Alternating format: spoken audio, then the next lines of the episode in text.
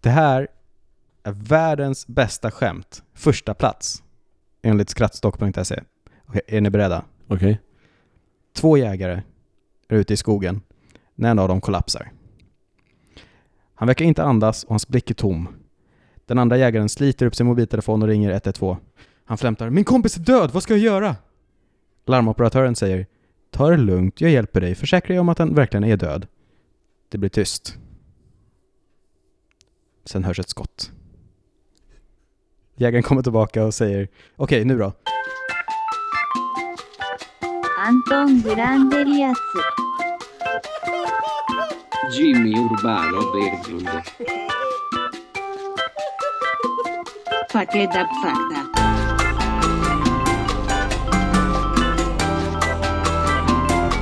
Paket Abfakta.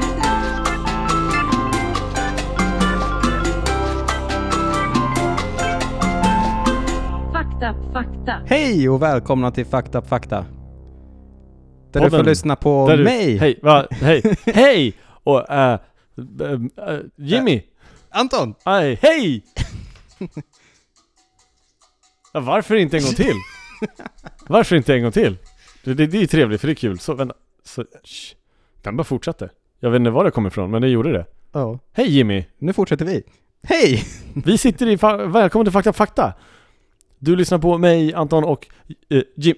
An- ja, hej. Jimmy. Eh, hur mår du idag? Jag mår bra idag. Kul. Trevligt. Trevligt, trevligt. Hur mår du idag? Jag mår jättebra.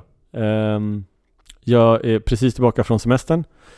Eh, det har regnat. Jag, var, jag har åkt runt och tältat i Sverige. Det var ett helvete. Det regnade. Jag har sen varit två veckor på landet och bara latat mig i en hängmatta och i en, bub och eh, i en, bubbel, i, i en pool. I en vanlig pool. I en jävla pool. Ingen konstig pool, utan en vanlig pool som man har eh, som man kan eh, blåsa upp och sen hälla vatten i. Eh, där har jag legat och druckit gin and tonic i två veckor och marinerat och inte gjort något annat. Och jag har väldigt ont på ryggen för att den är solbränd som satan och jag är ginger så jag bör inte bli solbränd för jag kan få cancer, malignant melanom och det gör jätteont och det, det ska det inte göra, det är fortfarande ont, det har gjort i en vecka men, men eh, det var min semester och nu så är jag tillbaka och nu är jag tillbaka på jobbet och det är eh, mm, eh, melankoliskt. Hur är det med dig?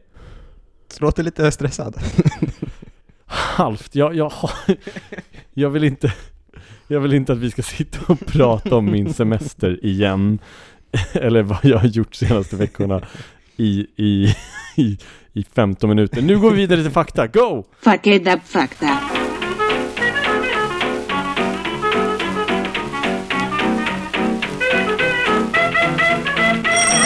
Åh herregud, ja du. Alltså det här, det här Jimmy, Ja. är sån här man bara vill berätta för folk. För att det är fucked up och inte, inte fucked, men det här är otroligt underhållande. Okej, okej. Island är ett fint land. Ja, Ja. det är det. 2014 så var det en turist som reste med en turistgrupp Mm. via buss genom Island och om jag inte misstar mig kollade på vulkaner. Okej. Och hon ehm, rapporterades som försvunnen. Och eh, hittades igen när det upptäcktes att hon var del av partyt som gick och letade efter henne.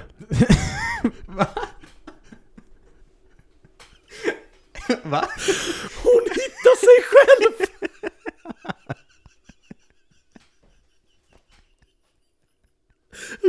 Okej, Hur gick det till? Låt mig utveckla. Det här... Det här läser jag från CBS. Ehm, det- en, en kvinna, ehm, det står ingen namn på henne, men det här är från CBS, så jag tycker att det är en ganska okej källa. Mm. Ehm, enligt vi, enligt eh, Reykjavik Grapevine, som är en tidning. Jag vet inte vad den heter på isländska. Eh, men eh, under lördagen så var den här kvinnan på en sightseeingtripp tillsammans med en turistgrupp eh, via buss som åkte runt i Islands vulkanregioner. Ehm, hon gick bort från sin turistgrupp och bytte kläder. Okej. Ehm, och enligt den här Reykjavik Grapevine eh,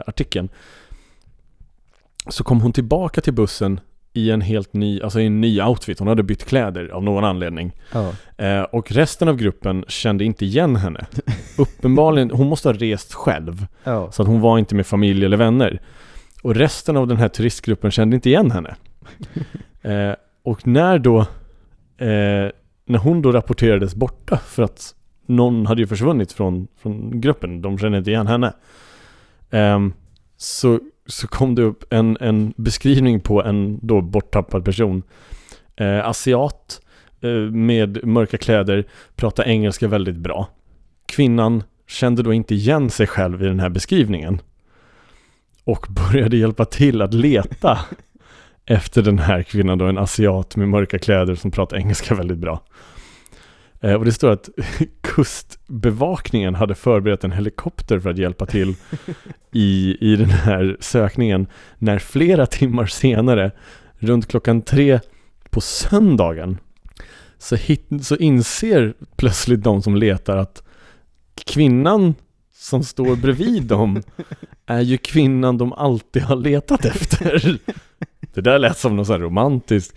Det är hon som är kvinnan de alltid har letat efter. De, de insåg att kvinnan de står bredvid henne är kvinnan de har letat efter. Ja. Eh, och det står här, åh gud fan. Det här är ett svårt namn. Chef, polischefen Volsvölur Svein K. Runarsson eh, berättade för mbl.is Det är någon isländsk artikel. Mm.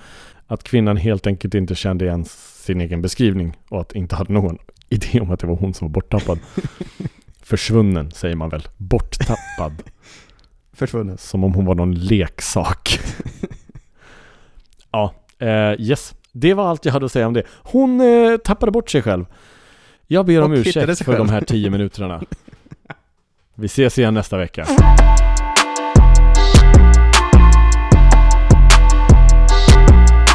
Jag har läst en den där flera gånger kanske än vad du har gjort. Lyckokakor. Ja. Vad har vi på lyckokakor? Vad har vi på lyckokakor? Vad, vad, vad är lyckokakor? När jag säger Du måste börja lyssna mer på podcast. Nej. Så här gör Alex och Sigge. När jag säger vad har vi på det här, då förklarar du vad det är för något. vad har vi på lyckokakor? En lyckokaka är ju en, eh, en kaka som man öppnar upp och så är det en profetia där i. Ja, ja, jo, ja, Mm. fair enough. Ja, mm. Mm, ja, jo. Eh, 2005 eh, så lyckades ett eh, lyckokakeföretag som kallas för Woonton Food Incorporated Mm. korrekt, korrekt gissa rätt på lottonummer vilket resulterade i 110 vinster och en utredning som visade då Ja. att inget bedrägeri var inblandat. Och det här läser jag då från en otroligt pålitlig sida som heter Snopes. Eh, jag hittade också det här på, på BBC. Men den här, eh, Snopes är en otroligt bra sida som jag har använt lite fler eh, fakta ifrån för att det är en sida som faktakollar sådana här saker Mhm. eh, som kommer fram till ifall det är true eller false. Deras källor är då New York Times, eh, Associated Press och Daily News. Ehm, och det, ja, alltså det finns inte jättemycket mer att säga. 110 människor vann vinster, bara en person vann, men 110 människor utöver den personen eh, lyckades claima eh, andra och tredje priser på upp till 100 000 till 500 000 dollar. Tack Ja. vare eh, lyckokakorna. Ja. Så de hade Helt typ otroligt. gissat ut nummer eller? Ja, och det här var en hel utredning kring, för ganska fort så kom ju lotteribolagen fram till att det här är ju, måste ju vara en bedrägeri. Ja. Så det är, det är en hel utredning kring det här. Inget fusk upptäcktes. Det visade sig att allting hade gissats fram i lyckokakorna. Ja. Lyckokakor fungerar! Köp dem! Köp dem! Och spendera era liv på att göra som de säger. Står det lämna ditt jobb, lämna ditt jobb! Gör det! Skit i, skit i frun, gör det. Lämna allt. Lämna barn, fru, allting. Står det det, gör det då. För det är sant. Alltid. Allt du ser på en lyckokaka är sant. Det är sant! Nu till något helt annat.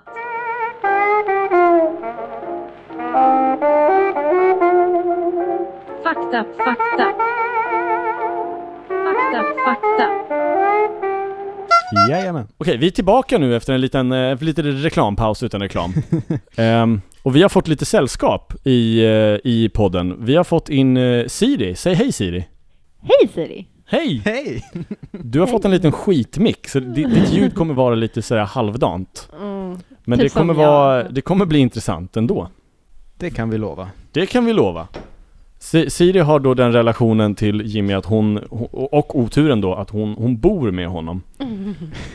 Eh, Jag valde det själv. vilket, ja det, Jag det upp sa inte jag att det var. med honom. Det, det är ju i och för sig en faktor, men Men inga förmildrande omständigheter. Vi valde att skaffa tre katter tillsammans dessutom. Det har vi. Mm. Sluta, sluta prata om era katter som om de är barn. Om vi har några kattlyssnare på det här så kommer de hata mig och älska er, men det skiter jag i. Sluta prata. Åh. Vi har blivit med katt, jaha. Jag har aldrig sagt att vi har blivit med katt. Men jag har sagt det. Ja, hur är det med dig Siri? Det är väldigt bra. Vad, vad har du gjort idag? Ehm, vi har ju semester, så jag vaknade ganska sent. Gick upp, gjorde mig i ordning, åkte till stan och började dricka rosévin. med en kompis. Det är trevligt. ja, det är väldigt trevligt. Trevligt. Sen åkte jag hit efter vi var klara, efter några timmar. Mm. Det är semester det. Vad har ni gjort? Eh, vad vi har gjort? Ja. Jag, jag eh, kom till Antons jobb vid klockan 15. För att jag skulle sluta 15 och då möta Jimmy och sen åka och podda. Mm. Men då ringer Anton mig. Med klockan Ja. 15.05 när jag sitter på bussen och nästan ska kliva av. Så ringer Anton och säger Hej, jag slutar inte 15, jag slutar 16. Oh, Och det fick jag reda på av en kollega när jag stod och bytte om.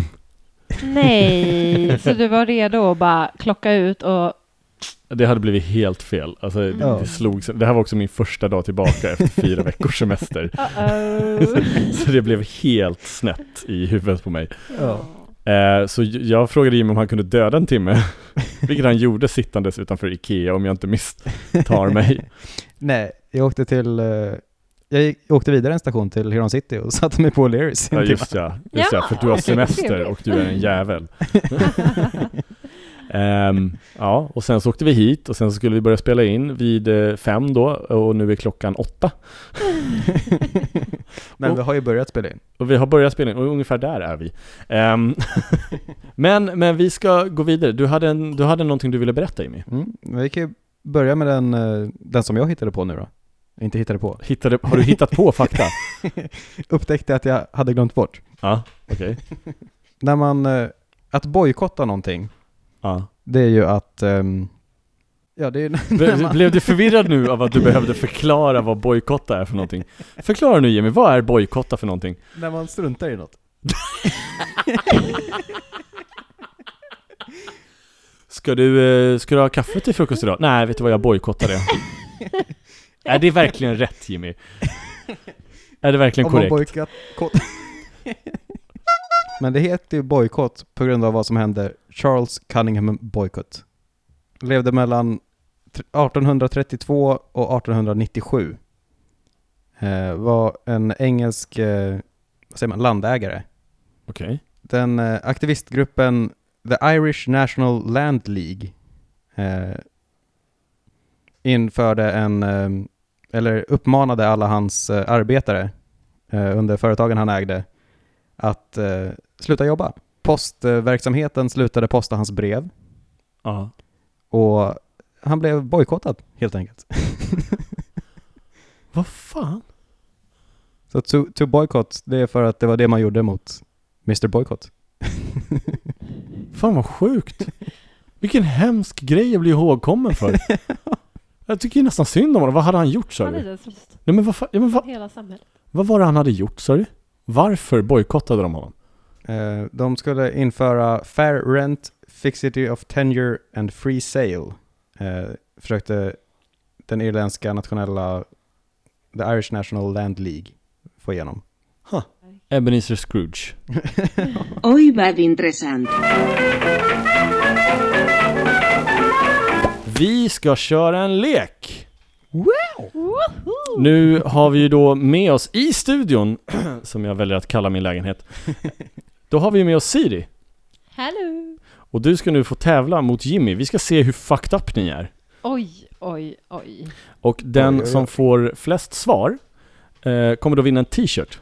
Mm, vad Eh, roligt. rättare sagt, om du vinner så kommer du få en t-shirt. Ja. Om Jimmy förlorar så kommer han inte få en t-shirt. Mm. Och om han vinner så kommer han inte heller få en t-shirt.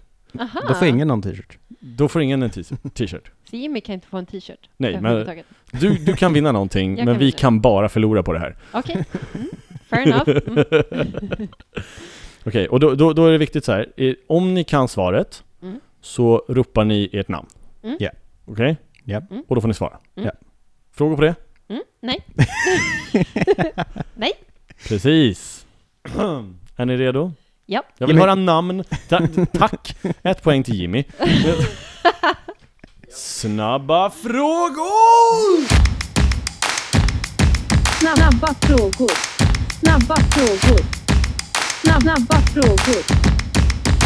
Snabba frågor. Vad kallas formen på Pringles? Alltså då inte tuben, utan ett Pringles chips. Siri?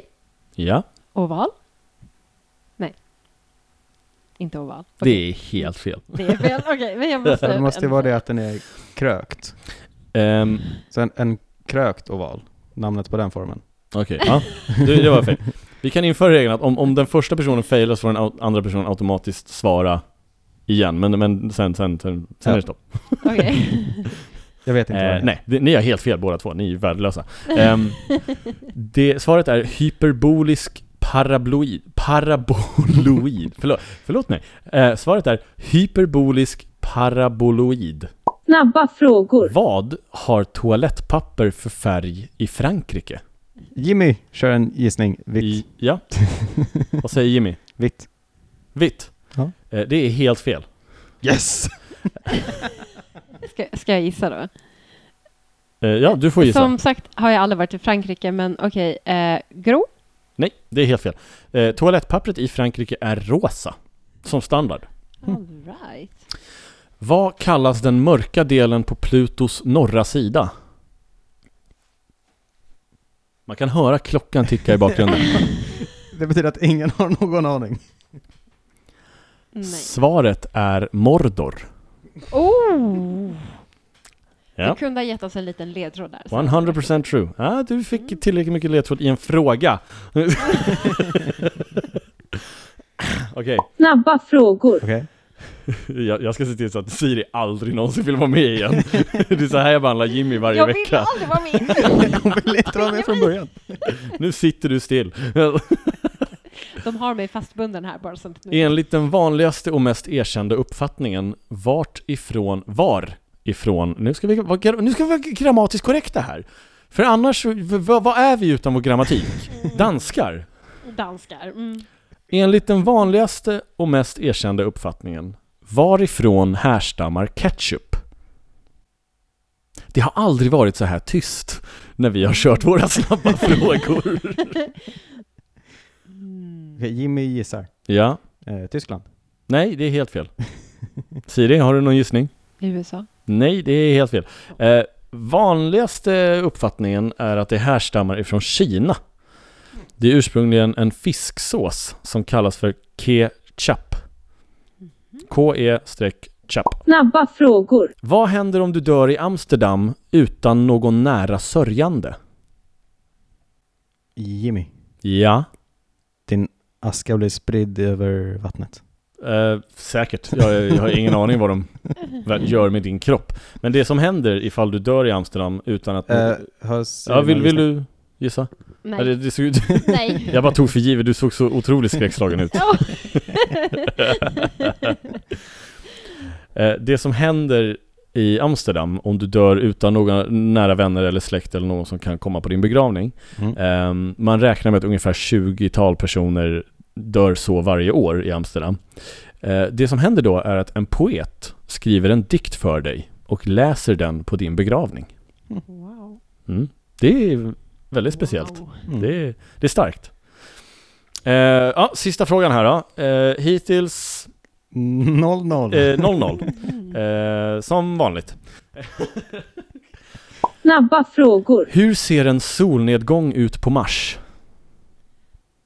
Era lågutbildade imbeciller. Okej, vild gissning. Ja. Grön. Nej, det är helt fel. Den är helt svart. Det är... Ja, efteråt såklart. Alltså,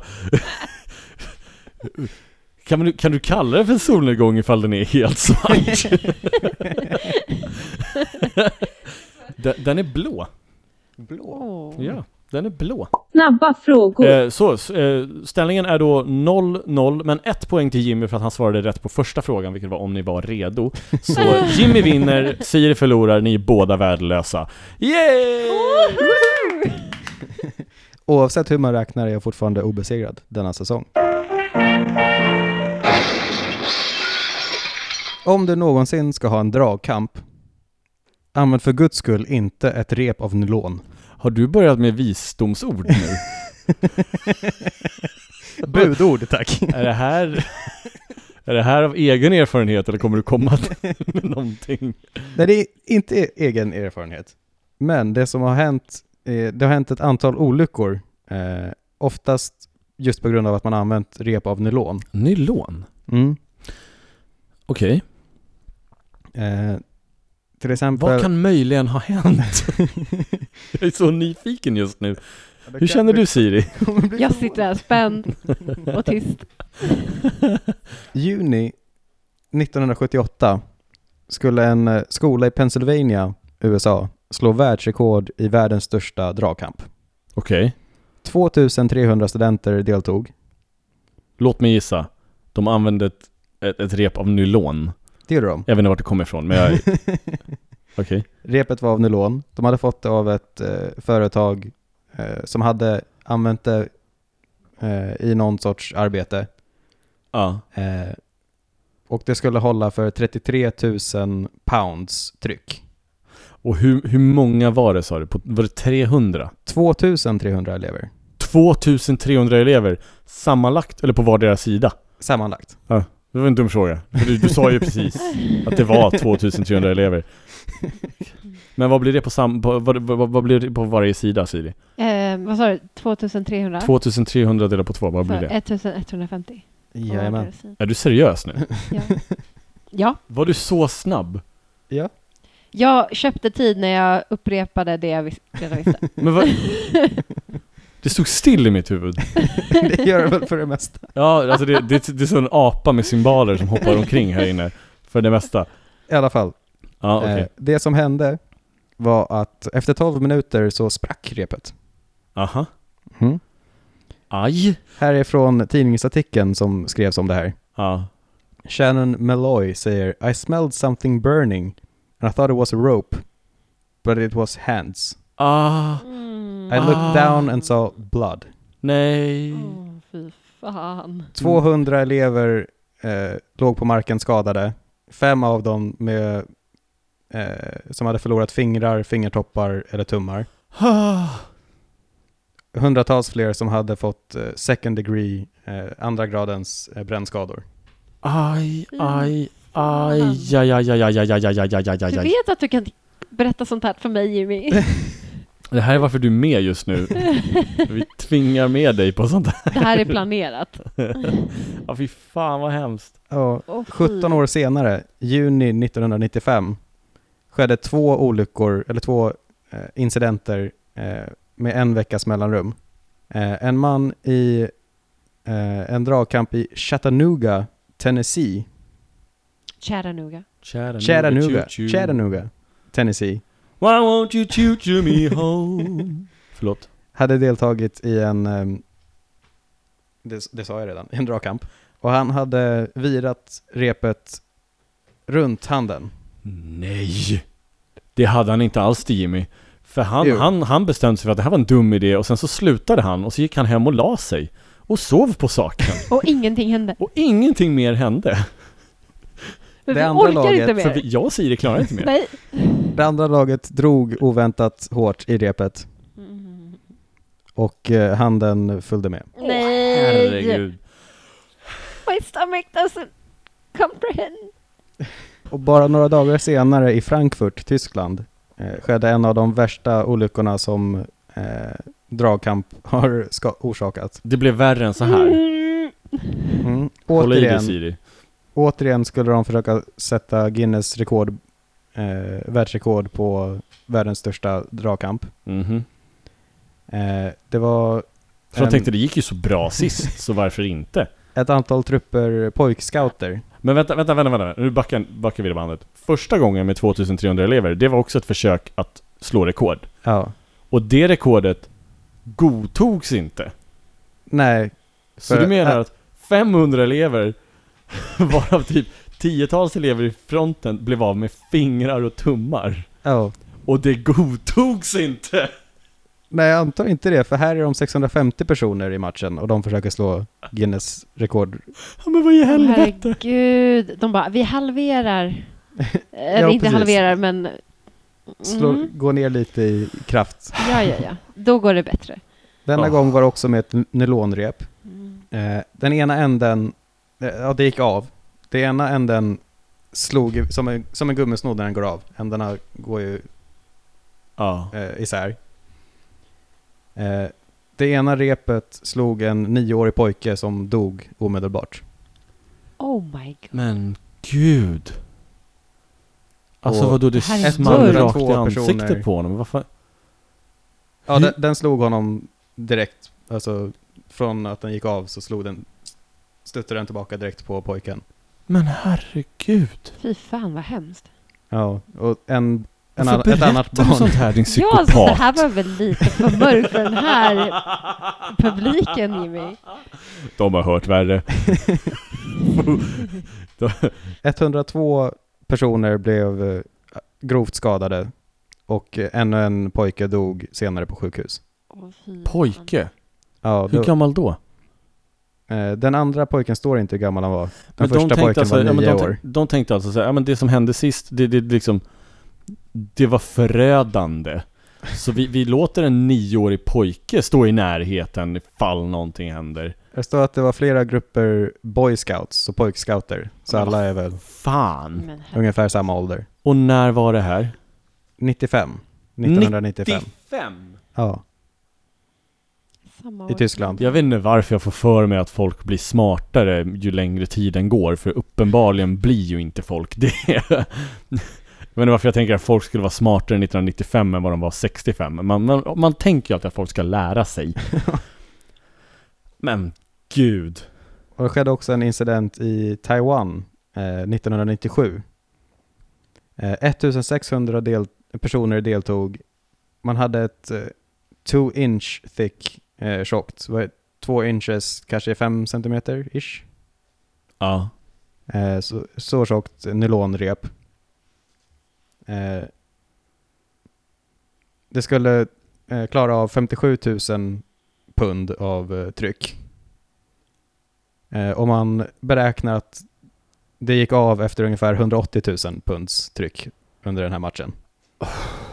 Eh, själva kraften av repet när den slog tillbaka, så återigen samma sak som med pojken måste det vara ungefär. Gummisnodds... Ja. Klippte av en, en av männens arm, rakt av. Oh my god. Men herregud.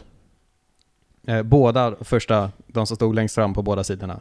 Blev av med armar. Ja. Så bojkotta ly- nylon. Nylon... Men bojkotta den här jävla dragkampen. Mm. Eh, 40 andra personer blev eh, skadade. Och det här var en eh, eh, under eh, firandet av Taiwans självständighet. Så bland annat, så det var eh, politiker och ambassadörer från andra länder som deltog i den här eh, matchen. I dragkampen. Ja. Ah. Så en av de som blev skadade var bland annat Costa Rica, Guatemalas och Nicaraguas ambassadörer. ambassadörer. Åh herregud.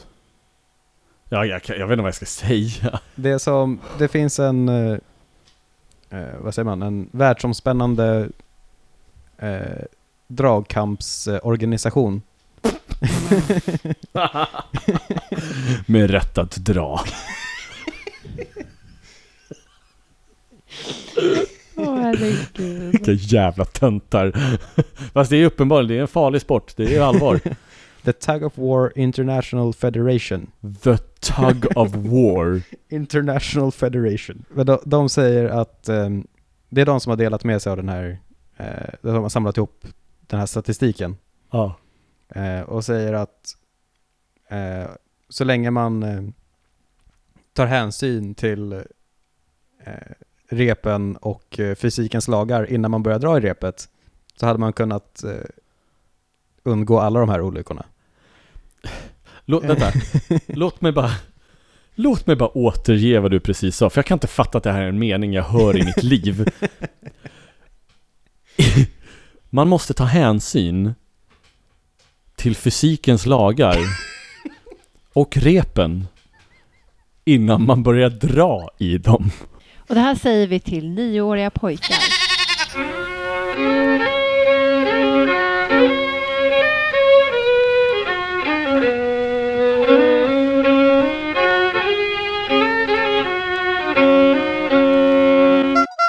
Factor. Men- Men jag upprepar min första mening. Om det har en dragkamp, använd inte ett rep av nylon. Nej, nej, nej, nej. Och om du gör det, ta först hänsyn till fysikens lagar. Och förarga inte repgudarna. Känner, känner, du, känner du dig nöjd nu? Känner du, känner du dig nöjd? Vi, vi mår illa. Ja. Du har fått oss på jävligt bad mojo. Jag, jag skulle säga att jag kommer göra det värre, men jag, trodde jag, jag, jag trodde det här skulle vara värre, men, men, eh, men du toppade det. Så Men, nu går vi neråt. men vi, det kommer bli tyngre, kan jag säga. Okej. Eh, det här kommer bli tyngre, men inte lika gorigt. det här, här är mer Schindler's list än eh, en, eh, en Night of the Living Dead. um, Okej. Eh, jag, jag tänker börja med att läsa upp en dikt. Det är inte en dikt. Ehm, jag tänker börja här med att läsa upp en, eh, en eh, bara för att få, få in en lite känsla.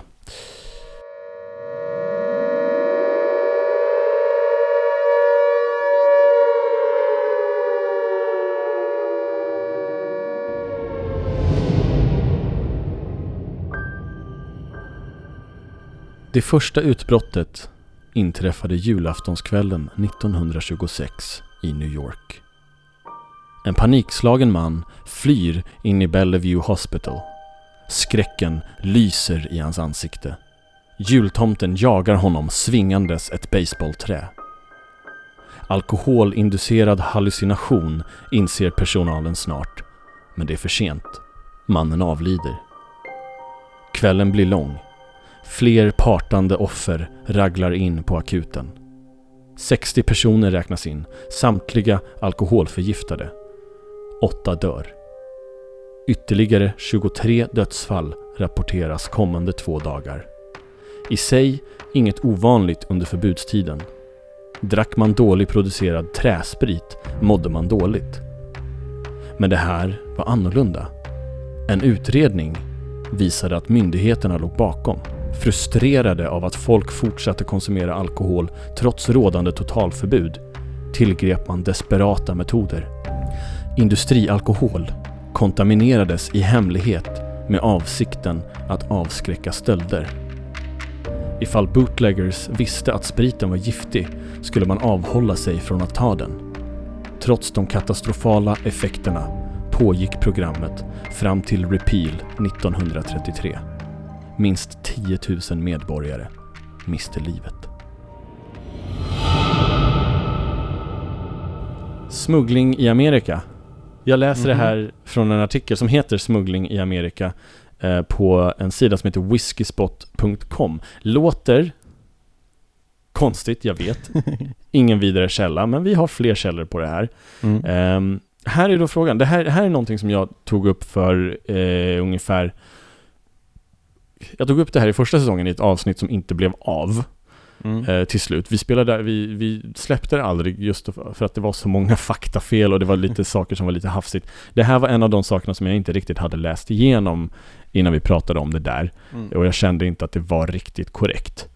Eh, så det som är då, det finns en, en myt ehm, som, eh, som nu, som egentligen på senare år har bildats av en, en internet-meme. Ehm, och en liten sorts konspirations grej. Som är att under förbudstiden så förgiftade USAs regering, då FBI, eh, smuggelsprit med dödliga gifter, vilket gjorde att över 10 000 människor dog av förgiftning i USA mellan åren 1926 till förbudets avslut 1933. Mm. Eh, Det här är ju inte riktigt en myt, det, det är snarare en sanning med modifikation. Den är tyvärr enklare än så.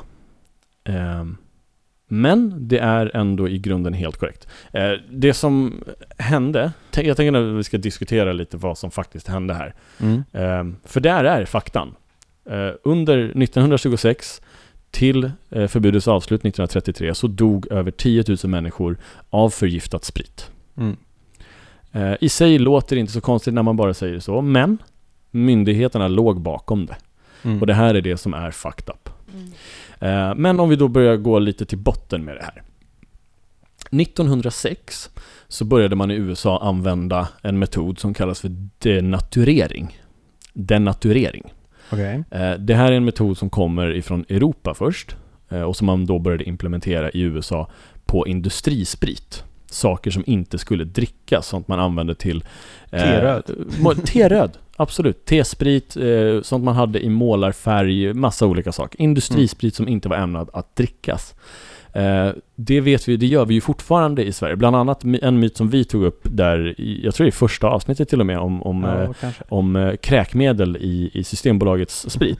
Att det inte är, det, det finns såklart inget kräkmedel i det. Det kommer ju från att, bland annat det här, Ja. eh, men också från att man använder kräkmedel eh, i, eh, fortfarande idag, alltså hela tiden, i, i industrisprit för att Ja. göra det icke drickbart. Eh, för att se till så att folk inte dricker det. det. Och det kan vara allt möjligt. Det kan vara saker som är eh, rent ut sagt inte, inte dödligt giftiga. Det skulle vara väldigt sjukt, tycker vi nu. Ja. Om vi hade i, i vår sprit. Men, men det man har i är bland annat kräkmedel, saker som får att kräka upp det igen. Mm. Eller saker som gör det så pass äckligt att du inte vill dricka det. Ja. Men det här var någonting som man började imple- implementera i USA 1906 ungefär. Man började ha i kräkmedel och andra olika saker. Mm. Ehm, det som hände dock, när förbudstiden kom, ehm, var att, och jag, jag har läst det här från en, en del olika artiklar, bland annat en källa är, ehm, är en artikel på Vox.com där man har in, eh, intervjuat en kvinna som heter Deborah Blum, eh, som är en nobelprisvinnande eh, vetenskapsjournalist och författare av The Poisoner's Handbook Murder and the Birth of Forensic Medicine in the Jazz Age of New York. I början av 1900-talet så började man då använda denatureringsmedel i industrisprit. Eh, när förbudstiden kom så gjorde man det för att man hade ett enormt förbudstiden kom ifrån att man, eh, till att börja med, vad har vi på förbudstiden? Siri, vad har vi på förbudstiden? Don't ask me. Totalförbud, eller förbud mot alkohol, det hade man på väldigt många platser runt om i världen. Mm. Eh, eh, även i Sverige så hade vi någonting som kallades motbok. Från 1919 till eh, ungefär 50-talet någonstans om jag inte misstar mig. Mm. Som innebar att eh, du fick bara dricka en viss du bara, fick bara köpa ut en viss summa så att säga alkohol. Mm. Så säg, jag tror att det var viss, några liter öl, en viss eh, liter eh, starksprit och sådana saker. Ja. Fick du bara köpa ut per månad. Då hade du en motbok där du stämplade ut det. genom. Eh, Så det var inte ett totalförbud, men skillnaden var att i USA så hade man så ett enormt problem med alkohol och alkoholism. Att man, in, man, man, man gjorde en ny konstitution, man gjorde en, ett nytt tillägg som totalförbjöd alkohol och påbörjade därmed ett krig emot alkohol. Det som gjorde här var ju att folk slutade ju inte dricka alkohol. Det visade sig ganska snart att det här var ett enormt misstag. Det ökade alkoholismen i USA Mm. något så enormt. Över 33 000 eh, nattklubbar öppnades bara i New York tror jag. Eh, Men här, bara ett inlägg om motboken. Ja. Eh, Vad gällde under, mellan 1917 och 1955 i Sverige. ja.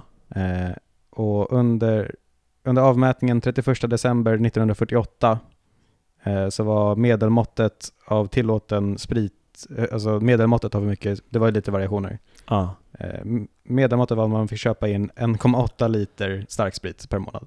ja. så det, Det, så det är ganska mycket. Och vin eh, räknades inte med alls. Det räk- räknades som harmlöst. Ja, precis. Och där, där var man drack ju heller inte öl och vin på samma sätt. Man drack mer starksprit Ja. på den tiden. Ehm, överlag. Och det här är något, jag har bland annat, jag har hållit på och in, intervjuat min mormor. Ja. Och hon berättar ju bland annat mycket om motboken. Eh, då hon har haft en pappa som har varit väldigt, som, som, har varit, som var alkoholiserad. Och han, Mm. hon berättade att de, eh, de bytte ju bara med varandra. Det fanns ju folk som var helnykterister, men de hade ju också Ja. en motbok. Då bytte man bara med varandra. Ja. Då fick ju de deras eh, sprit.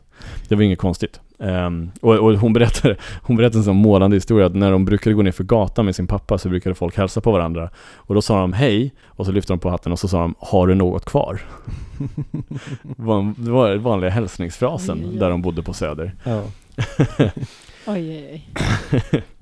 Ja, yes, men, men det som hände Förbudstiden i USA, det var alltså ett krig emot alkohol.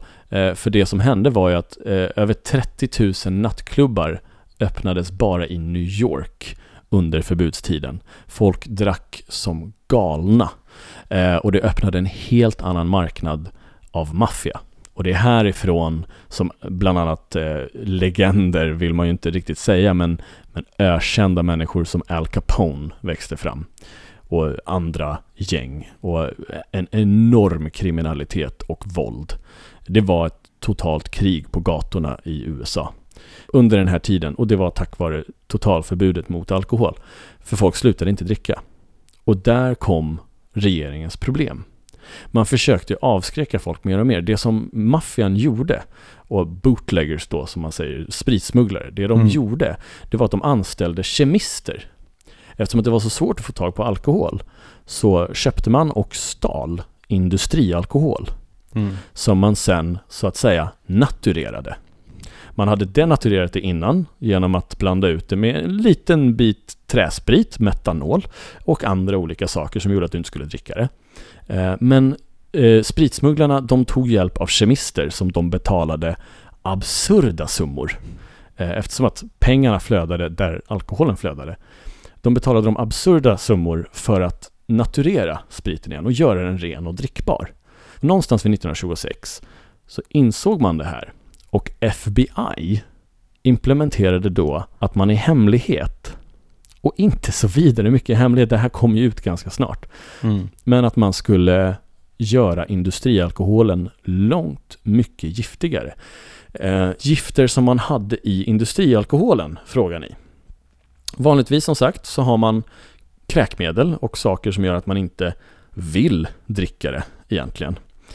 Ehm, det de gjorde med industrialkoholen var att de la till, jag läser från en, en engelsk sida, jag ska försöka översätta så gott det går. Kerosen, brusin, vilket är, det står a plant alkaloid uh, closely related to strychnine. Mm.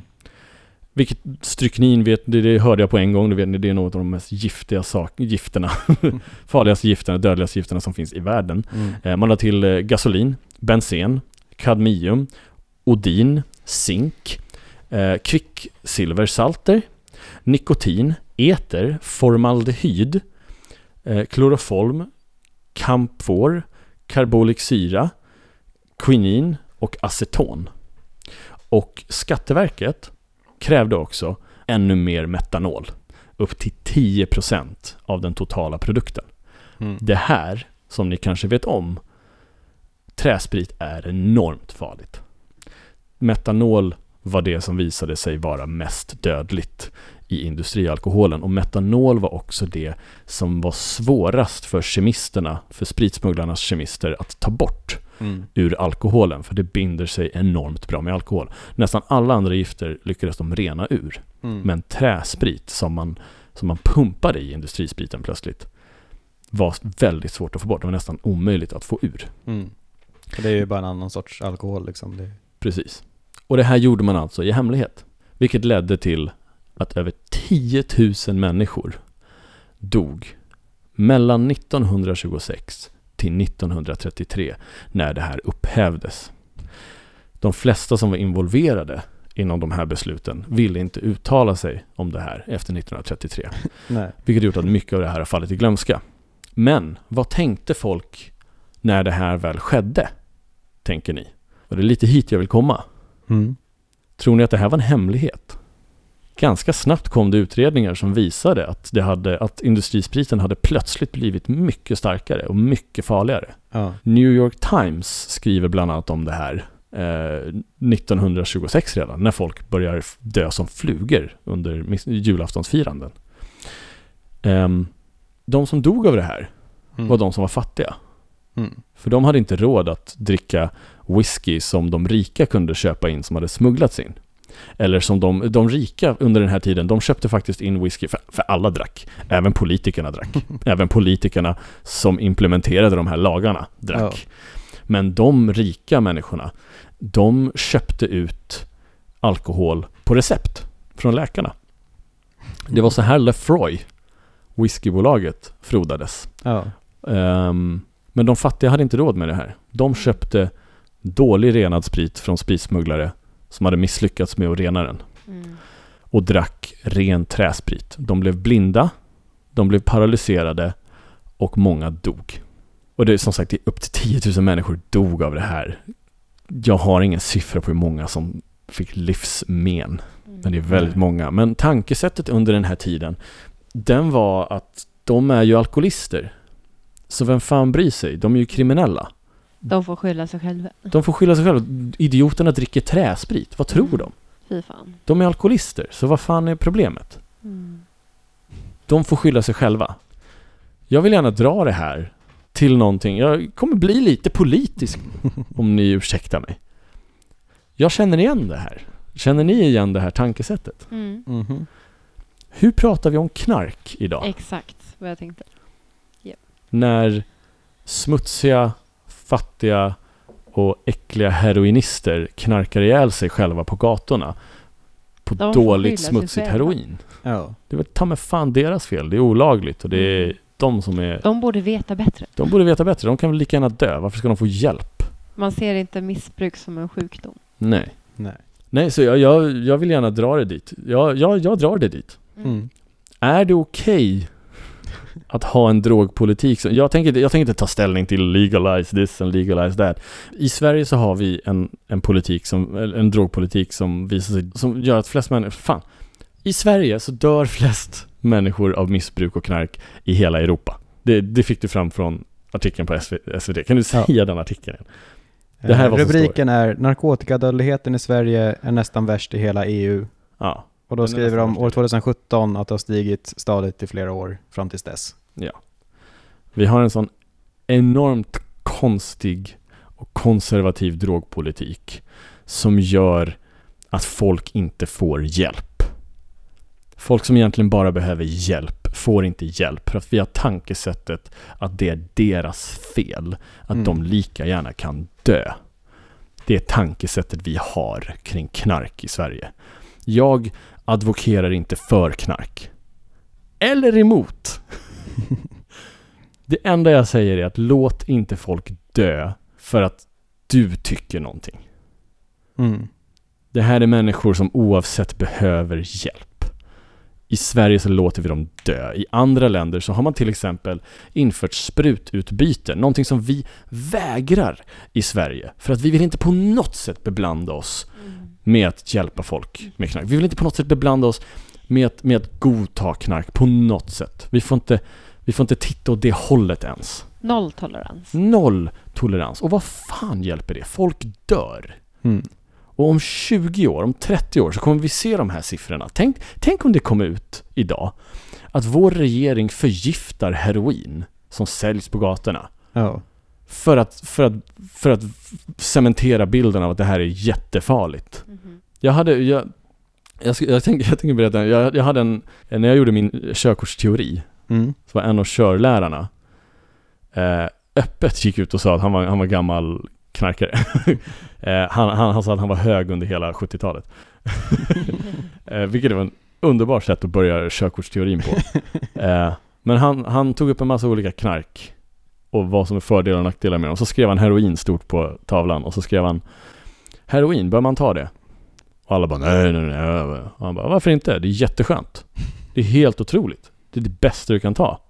Nej, nej, nej. Han bara, nej precis. Om du inte är svinrik så ska du nog inte ta heroin för det kommer döda dig. Men om du är svinrik, kör på. För då kan du få det rent. Då får du inte smutsigt utblandat skit från gatorna och sen så dör du oftast för att du svälter ihjäl dig själv eller att du måste sälja dig själv. Och du gör inbrott och du blir lagd kriminalitet för att fortsätta göra det här missbruket. Mm. Rika människor tar heroin, vad fan tror ni? Det finns rika människor knarkar som satan, men de lider inte för det. De, de är precis som de här som kan köpa ut Lefroy Mm. på recept. Men fattiga människor kommer fortsätta dö av heroin och ingen kommer bry sig. Och ingen, jag tror inte någon skulle bry sig ens om det visade sig att vår regering dödar dem. Listen, listen, listen to the dreamy music playing. It's reminiscent. Listen what you're missing the tune. that keeps me swaying. Gee, but that music sounds so sweet. I can't keep still, Henry, upon my feet.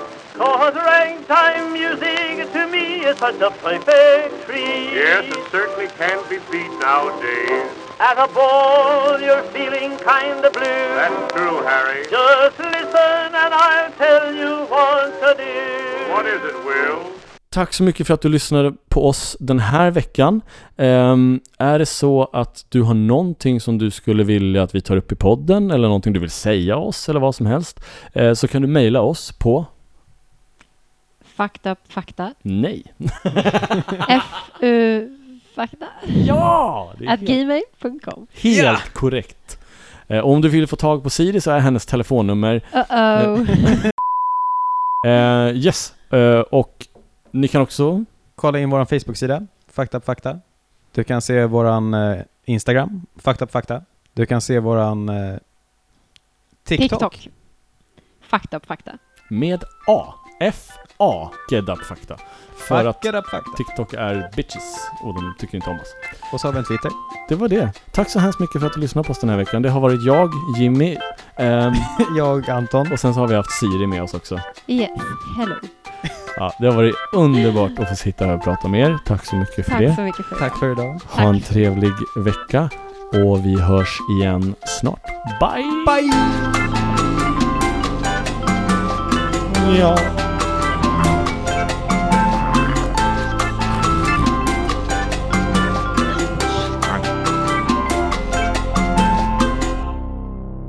Jag vill, be, jag vill be om ursäkt eh, och, och, och Jimmys vägnar. Hans beteende är beklagligt och, och rent ut sagt ingenting som vi står bakom här på Fakta Fakta Company. Fakta fakta.